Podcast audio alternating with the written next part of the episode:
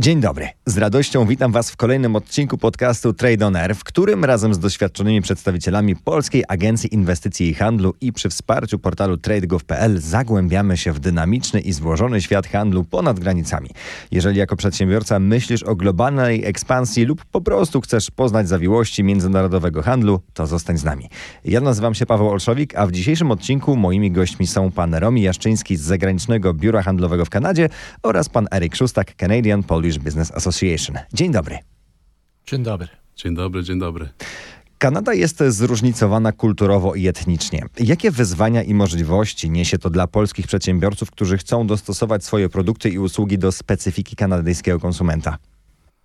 Myślę, że naj, najważniejszy aspekt e, w Kanadzie, żeby rozumieć, jak wygląda ten rynek, jeśli chodzi pod względem e, etnicznym e, czy kulturalnym, to jest po pierwsze, wiedząc, że francuski i angielski są na, na równym poziomie e, na rynku kanadyjskim, więc jak się sprzedaje do Kanady, wszystkie pro, produkty muszą mieć czcionki na przykład e, po francusku, po angielsku um, i muszą być równe, więc taki sam rozmiar e, i tak dalej.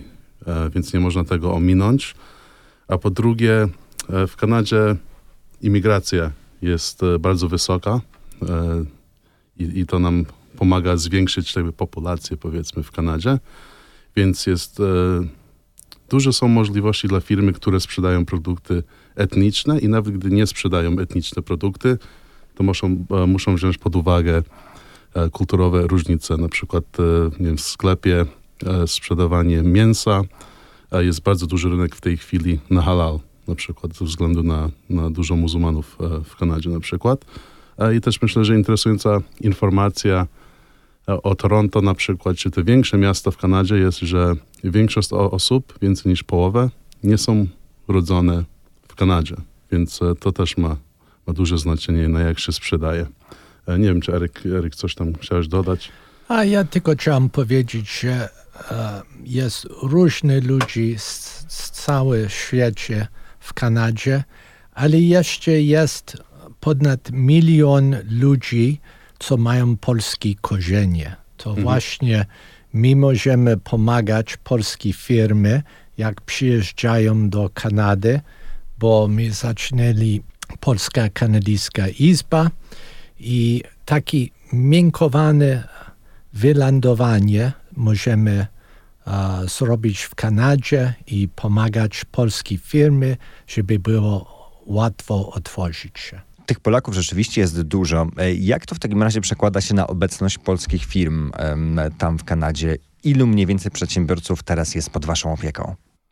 Wiesz co, to jest e, dobre pytanie. Myślę, że zgłoszenia dostajemy około, bym powiedział, 300 do 400 na rok, e, więc próbujemy pomóc komu możemy. Oczywiście nie wszystkie firmy może są gotowe na eksport czy na rynek, ale tak ogólnie to, to przez ostatni rok Pomogliśmy około 20 firm ze sprzedażą czy eksportem na rynek kanadyjski. Ogólnie bym powiedział, że ściśle współpracowaliśmy z przynajmniej 100 firm. I, I, te firmy, często jest tak, że firma z Polski chce sprzedawać do Kanady i gdzie uderza najpierw do Polonii e, w Kanadzie i to nie jest zawsze najlepsze rozwiązanie. Myślę, że my jako PAIH i również e, Izba i Erik próbujemy polskie produkty i firmy wdrożyć w mainstream w Kanadzie, żeby nie tylko uderzać do tych e, rynkach takich polonijnych czy demografii polonijnej. Mając na uwadze fakt, że Kanada jest przez niektórych nazywana taką bramą do rynku amerykańskiego, jakie strategie ekspansji zaleciliby panowie ym, polskim przedsiębiorcom, aby skutecznie zdobywać oba te rynki? Od czego w ogóle zacząć, jeżeli ktoś by chciał taką drogą podążać? My, myślę, że jest e, po pierwsze bardzo, bardzo ważne, e, żeby rozumieć, że to są dwa różne rynki bardzo często mamy firmy, które myślą, że Ameryka i Kanada są taką samą, powiedzmy, tym, tym samym krajem, e, z, tymi z tą samą kulturą, e, obyczaje i tak dalej. A to są bardzo, bardzo różne, inne, powiedzmy, e, kraje, które mają inne prawa, regulacje i tak dalej. Więc tak nie do końca myślę, że, że działa to, że, że jeśli masz sukces w Kanadzie, to będziesz miał sukces w Stanach i, i na odwrót, ale e, jest prawda, że można korzystać na przykład jako firma, która produkuje jakieś produkty z Polski i chce sprzedawać i produkować w północnej Ameryce, to Kanada jest świetnym miejscem do produkcji, bo jest trochę taniej i jest umowa o wolnym handlu między Ameryką, więc można produkować produkty w Kanadzie, ich sprzedawać w Stanach i, i czasem korzystać na to. Portal TradeGov.pl stał się takim kluczowym źródłem informacji i wsparcia dla polskich przedsiębiorców dążących do ekspansji międzynarodowej. E, jak z Panów doświadczenia portal ten może wspierać polskie firmy w zrozumieniu i adaptacji do tego kanadyjskiego rynku? Myślę, że to jest świetny, e, świetne miejsce, gdzie można informacje dużo e, zdobyć przed na przykład kontaktem z naszym biurem i podczas kontaktem z naszym biurem. Tam jest dużo informacji nie tylko na przykład o Kanadzie, E, ale również co się dzieje w Polsce.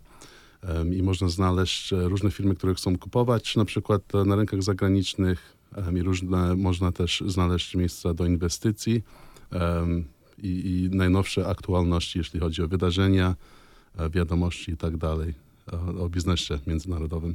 Polska Agencja Inwestycji i Handlu odgrywa kluczową rolę we wspieraniu polskich przedsiębiorców w, w, ich międzynarodowej ekspansji.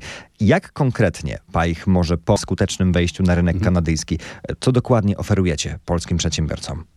E, po pierwsze to, to oferujemy spotkania, umawiamy spotkania z potencjalnymi klientami. To jest, e, mi się zdaje, e, najważniejsze i, i najwartościowe usługa dla, dla polskich przedsiębiorców Misje również na, na targi międzynarodowe organizujemy.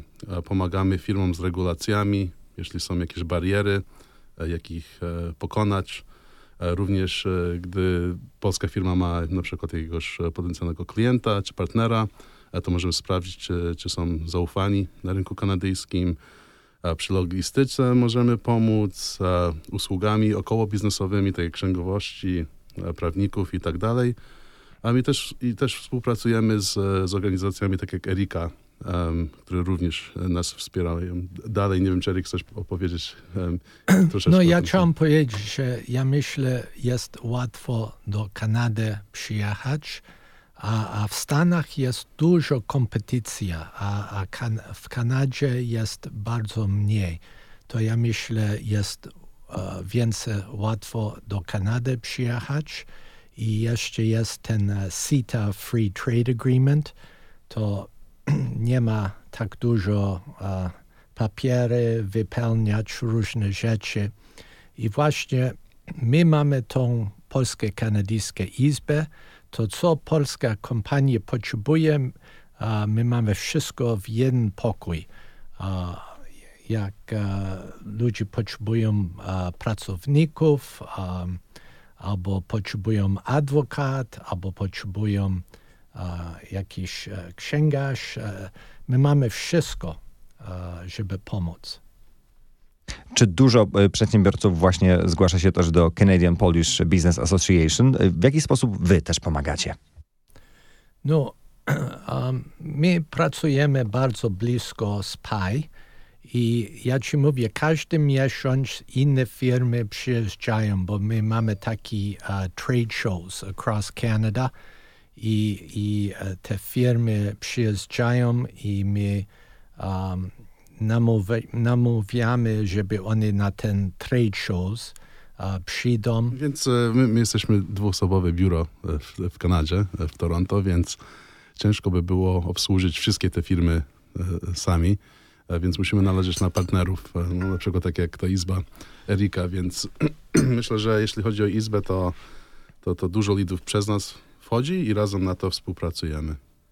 Biorąc pod uwagę zróżnicowane regulacje prawne między poszczególnymi prowincjami w Kanadzie, jakie są kluczowe aspekty właśnie pod względem przepisów, które polskie firmy muszą zrozumieć i jak PAIH e, może w tym aspekcie zaoferować wsparcie?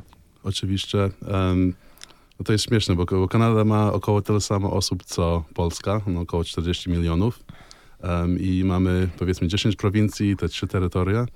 I, I każdy ma swoje prawa. I jeśli chodzi o produkty, to nie wszystkie, ale niektóre na przykład budowlane. E, dam przykład taki. E, każda prowincja ma swoje te regulacje i tak dalej, więc um, myślę, że to jest bardzo ważne, żeby nie, jako polska firma, nie patrzeć na Kanadę jako jeden kraj, ale powiedzmy na 10 krajów, bo trzeba naprawdę celować w, w prowincjach. Na przykład jeśli się sprzedaje okna, regulacje się różnią między Ontario, Brytyjskiej Kolumbii i Quebec.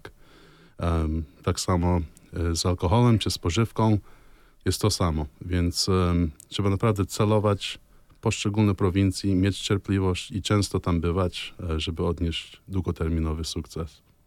A jak wygląda podejście Kanadyjczyków do marketingu? Czy na przykład planując kampanię reklamową powinniśmy brać pod uwagę głównie social media, czy może jednak jest tam e, większe zaufanie do tych mediów tradycyjnych, takich jak radio, telewizja? Ja bym powiedział, że social, e, media socjalne jest, jest dobra, ale najlepszy marketing jest poprzez lokalny partner um, i żeby zdobyć tego lokalnego partnera trzeba bywać w Kanadzie bardzo często e, i, i bez lokalnego partnera jest bardzo, bardzo ciężko odnieść ten długoterminowy sukces. E, dam przykład e, dużej firmy, na przykład LG Chem tutaj w, w Polsce, która ma fabrykę, która produkuje baterie e, do, do aut. Oni, oni w Polsce weszli sami e, i teraz w Kanadzie e, budują też fabrykę i, i myślę, że nauczyli się z, z, pomyłek, z pomyłek w Polsce i joint venture e, stworzyli e, ze Stellantis, e, przez to, że trzeba mieć lokalnego partnera, który wie, jak nawigować i ułatwić ci życie. No I otworzyć, otworzyć te drzwi, to jest najważniejsze. Więc sam marketing, myślę, nic nie da. Trzeba, trzeba znać tych osób um, na lokalnym rynku. W Polsce żyjemy pewnymi stereotypami, czy tego chcemy, czy nie. E, I tu, kiedy słyszymy Kanada, automatycznie możemy myśleć o syropie klonowym, hokeju, czy dużej ilości śniegu. E, jestem ciekaw, jak to wygląda w drugą stronę. Jak Kanadyjczycy odbierają polskich przedsiębiorców? Czy łatwo nam jest się dogadać? Może ze względu właśnie na tą dużą obecność Polaków tam na miejscu? Myślę, że to będzie interesujące. Ja, ja odpowiem, mimo że Erik potem też odpowiesz, czy masz inną perspektywę, ale ogólnie to to się bardzo, bardzo różni od poszczególnych branż. E, w lotnictwie czy w IT na przykład to, to, to bardzo znane są polskie programiści, um, inżyniery i tak dalej, ale w innych branżach, nawet w budowlance, e, znani jesteśmy jako pracownicy, powiedzmy w tej branży lokalnie, ale nie wszyscy wiedzą, że, że mamy bardzo, bardzo dużo firm z wysokimi jakościowymi produktami z tej branży na przykład. I czasami jesteśmy grupowani z Ukrainą, z Rosją. Niektóre osoby nie wiedzą, że jesteśmy w Unii Europejskiej czy, czy w NATO. Um, więc bardzo, bardzo to różni, ale bym powiedział, że każdy zna jakiegoś Polaka nie? na rynku kanadyjskim e, poprzez kolegę czy tam kuzyna, więc mam świadomość, co to jest, ale ogólnie nie do końca. Ja, ja bym powiedział, że Kanadyjczyki nie wiedzą, że Polska ma takie dobre produkty, nawet lepiej niż Kanada, to trzeba przyjechać do Kana e, Kanady i, i, nie tylko jeden raz, ale parę razy i, i iść na te różne trade shows i pokazać ludzi, że my mamy bardzo dużo uh, różne dobre produkty z Polski. To tak. jest bardzo ważne. Nie tylko raz przyjechać, ale parę razy. Często jest tak, że, że nasze produkty są przez inne firmy e, zwane taki private label, że my produkujemy, ale brand e, czy imię firmy e, na przykład niemieckie jest e, na, na, produkcie, więc ludzie nie wiedzą, że to jest produkcja polska i, i, i myślą, że to jest na przykład niemieckie czy francuskie. A jeżeli już wiedzą, że dany produkt jest z Polski, to z czego najbardziej słyniemy w Kanadzie? Jakie polskie produkty cieszą się największą popularnością? Naj, największą bym powiedział, powiedzmy, usługi IT. Jesteśmy znani bardzo dobrze. E, sektor lotniczy, nasz łańcuch dostaw jest bardzo zintegrowany, ale to jest bardzo ciężki sektor, żeby się wbić, długo, długo schodzi.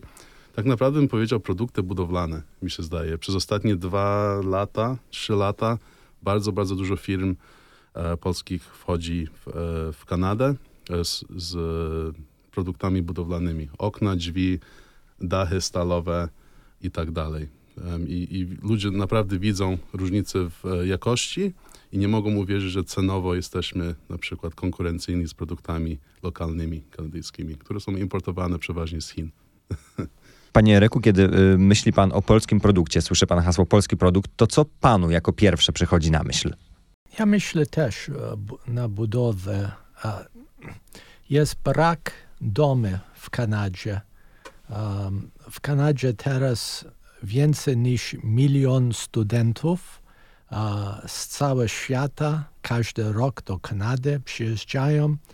Uh, więcej niż 500 tysięcy ludzi z całego świata do Kanady uh, przyjeżdżają i nie ma domy, nie ma bloki.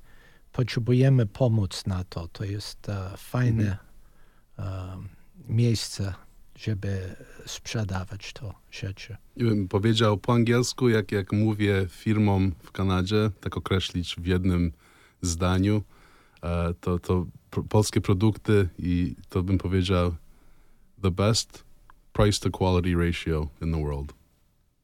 Czyli ten stosunek cena do jakości jest na najwyższym poziomie e, na świecie. Super, bardzo dobrze to słyszeć. W takim razie, jeżeli słyszą nas jacyś e, przedsiębiorcy właśnie z branży budowlanej, no to Kanada jest e, otwarta i czeka na was, na, na wasze produkty, na wasze usługi.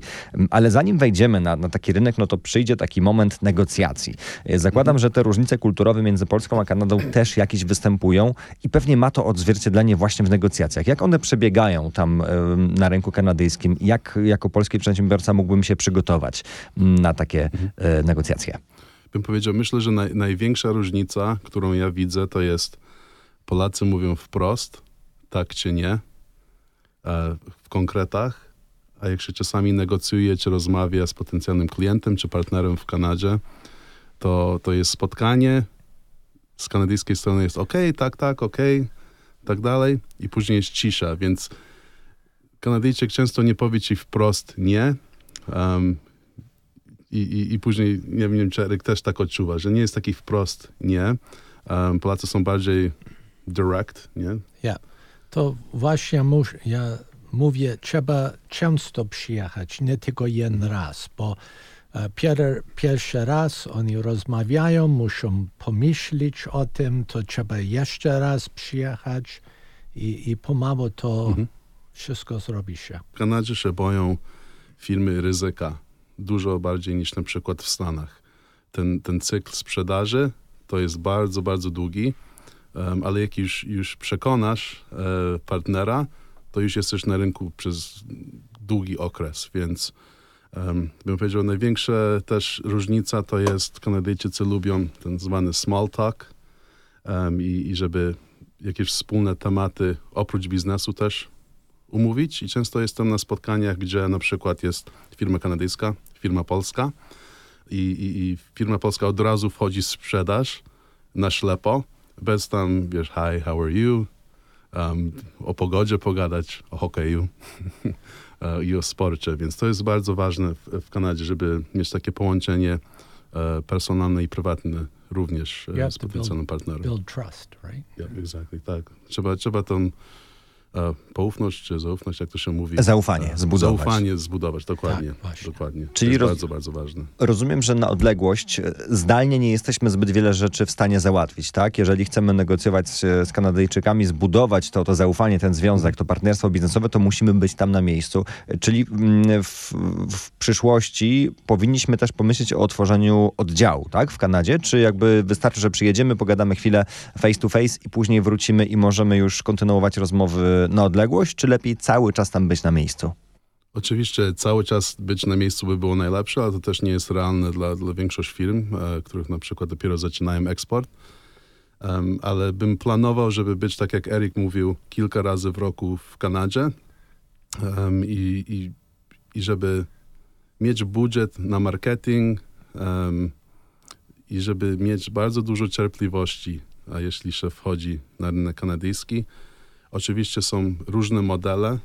Jeśli się sprzedaje jakieś produkty, na przykład okna, drzwi, spożywka, nie trzeba być na miejscu, ale trzeba mieć partnera, która, którego się bardzo ufa i żeby to zaufanie zbudować, no to trzeba być kilka razy przynajmniej na roku na miejscu.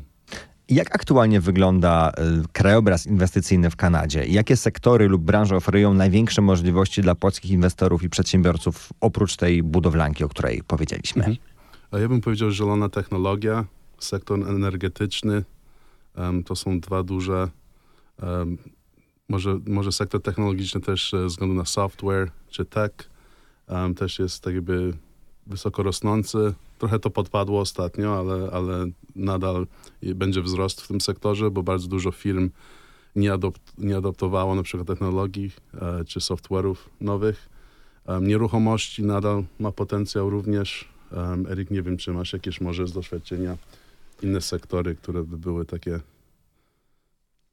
Ja, ciężko mi powiedzieć po Mhm. polsku, ale ja, ja by chciał powiedzieć, ja pracuję w Kanadzie na Bay Street. Bay Street jest tak samo jak Wall Street w Ameryce. To, to jest, um, gdzie my uh, pomagamy zbierać pieniądze dla uh, kompanii, żeby oni poszli uh, public uh, na stock market w Kanadzie. To ja też szukam jakieś e, firmy, kompanie, co chcą być na stock market w Kanadzie, bo jak oni mają chęć to zrobić, to my możemy e, dostać miliony, miliony dolarów od e, investors i wtedy oni mogą rosnąć e, bardzo prędko. Czyli to wejście na rynek papierów wartościowych, tak? Wejście na giełdę jest, jest tutaj. Tak, em, tak. A, a czy na przykład są jakieś dotacje albo coś w tym stylu, które mogłyby pomóc polskim przedsiębiorcom? Są, są, ale wszystkie te dotacje to wymagają, że trzeba mieć firmę rejestrowaną w Kanadzie i czasem nie starczy, że firma jest rejestrowana, musi być jakiś, em, jakiś pomysł, patent czy produkt lokalny. Wspomnieliśmy troszkę już o tej zielonej stronie biznesu. Właśnie chciałem dopytać o kwestię zrównoważonego rozwoju i ochrony środowiska, bo ona zyskuje na znaczeniu w biznesie globalnym. Jakie są specyficzne wyzwania i możliwości związane właśnie z zielonymi technologiami i ekologicznymi inicjatywami w Kanadzie? Jak polskie przedsiębiorstwa mogą na tym skorzystać? E, my- Myślę, że są dwa, dwa sposoby, można podejść do tego. E, Z jednej strony to możemy porozmawiać o e, firmie, które dostarczają jakiś produkt. Powiedzmy, to jest spożywka, jakiś produkt, który się produkuje w Polsce. Większość firm w tej chwili robi taki audyt em, i, i lubią i czasem wymagają, żeby produkt był neutralny, jeśli chodzi o ile energii jest e, wytwarzane w, em, w produkcji tego poszczególnego produktu, więc e, jeśli produkt tutaj jest robiony jakąś zieloną, nie wiem, energią, czy jest carbon neutral zwany, to powiększa szanse, że się znajdzie na rynku. A po drugie, jeśli firma polska jest taka, która ma rozwiązania e, dla firm, powiedzmy w Kanadzie, e, żeby ich produkty em, były neutralne, jeśli chodzi o, o, o energię, a to również są jakieś większe możliwości, żeby wejść na ten rynek. Romi, jest też autobus w Vancouver, jest zielony autobus Mhm. z Polski, nie? A oni testują teraz. Mhm. Tak, więc są, są różne te sektory, em, które mają wymagania em, takie neutralne, carbon neutral zwane, e, poprzez, że też również Kanada e, do 20, 2050 roku właśnie chce osiągnąć taki carbon neutral status. Mieli panowie na pewno styczność z wieloma różnymi firmami. Czego więc z waszego doświadczenia najlepiej unikać, by odnieść sukces w Kanadzie? Jakie są najczęstsze błędy, czy może błędne założenia, z jakimi przychodzą do was polscy przedsiębiorcy? E, Po pierwsze, że, że Kanada i Stany to są ten sam kraj. Po drugie, bym powiedział, e, gdy się próbuje sp- sprzedawać do Kanady, myślę, że to wszędzie też e, tak jest. Nie, nie można jednym, jedną wiadomością, powiedzmy taką marketingową, sprzedawać do wszystkich, więc często wiem, że firmy wysyłają jednego takiego maila masowego e, do wszystkich. To nie działa. Nie starczy, żeby wysyłać tylko maila, nie starczy, żeby na LinkedIn uderzyć do kogoś. Trzeba być na miejscu face to face, żeby odnie- odnieść e, długoterminowy sukces. Em, to jest najważniejsze. E, I również też w spotkaniach nie sprzedawać tak bardzo hard sell, na twardo się mówi, czy hard sell w- Kanadzie czy w Stanach.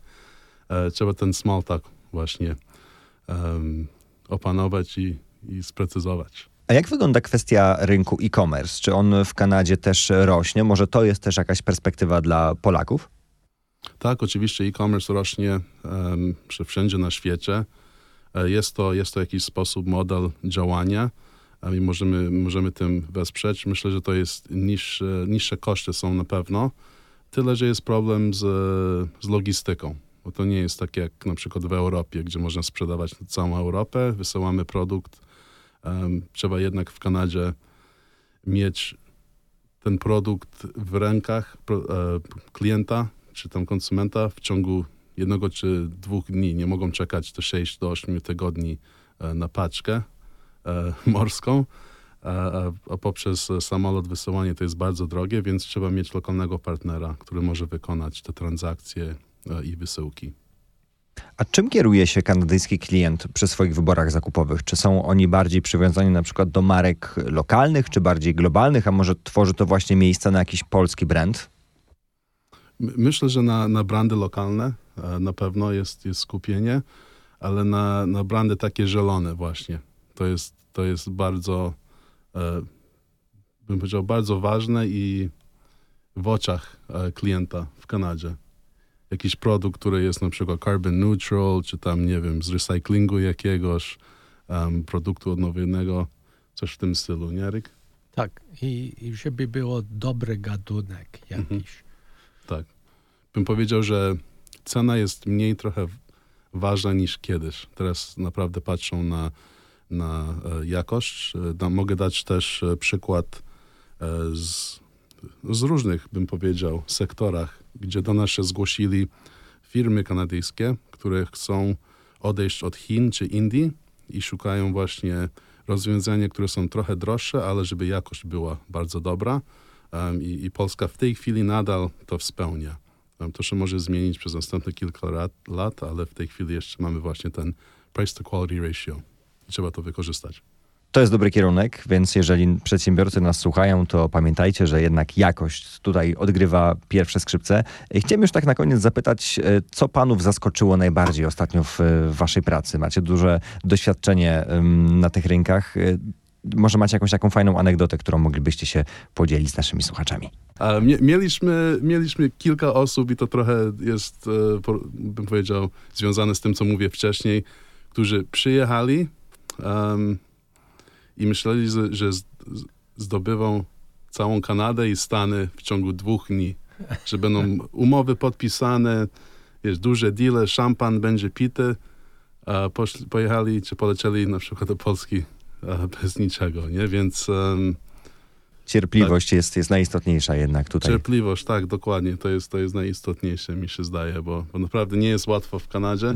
I bym powiedział też, że jak, jak Kanadyjczycy lecą do Polski biznesowo, są bardzo milo zaskoczeni, jak tutaj jest czysto, nowocześnie, e, ludzie są mili, e, produkty są wysokiej jakości i tak dalej. Ale bym powiedział, jak Polacy, to bardzo często się zdarza, lecą do Toronto czy do Kanady, e, to mają in, inne wrażenie w głowie, inna realia jest, jak lądują. I nie wygląda na przykład Toronto czy Kanada tak, jak myśleli, i też biznes się nie robi tak, jak myśleli, więc jest śmiesznie, jak jest na odwrót że Kanadyjczycy są mili zaskoczeni, jak do Polski przylatują, a Polacy, bym powiedział, w drugą stronę. Czyli musimy uzbroić się w cierpliwość, mieć, mieć otwartą głowę, e, no i ewentualnie zwrócić się o pomoc właśnie do Polskiej Agencji Inwestycji i Handlu. Panowie, serdecznie dziękuję za interesującą rozmowę. Dziękuję Dziękujemy bardzo. bardzo. Dziękuję bardzo. Korzystając z okazji, chcielibyśmy przypomnieć naszym słuchaczom o portalu tradegov.pl. To prawdziwa kopalnia wiedzy, gdzie można znaleźć cenne informacje i narzędzia pomocne w ekspansji międzynarodowej. Portal pomoże Wam w nawiązywaniu międzynarodowych kontaktów biznesowych i zwiększaniu widoczności polskich marek na świecie. Pamiętajcie, że w dzisiejszym globalnym świecie biznesu granice stają się coraz bardziej płynne, a możliwości, jakie niesie za sobą międzynarodowa ekspansja, są praktycznie nieograniczone. Zapraszamy do słuchania kolejnych odcinków naszego podcastu Trade on Air, dostępnych na rmfon.pl, gdzie kontynuować będziemy naszą podróż po globalnych rynkach, odkrywając nowe perspektywy i możliwości dla polskiego biznesu. Dziękuję za dzisiejsze spotkanie i do usłyszenia w kolejnym odcinku. Materiał został zrealizowany w ramach projektu Eksport, Import, Inwestycje TradeGov.pl prowadzonego przez Polską Agencję Inwestycji i Handlu.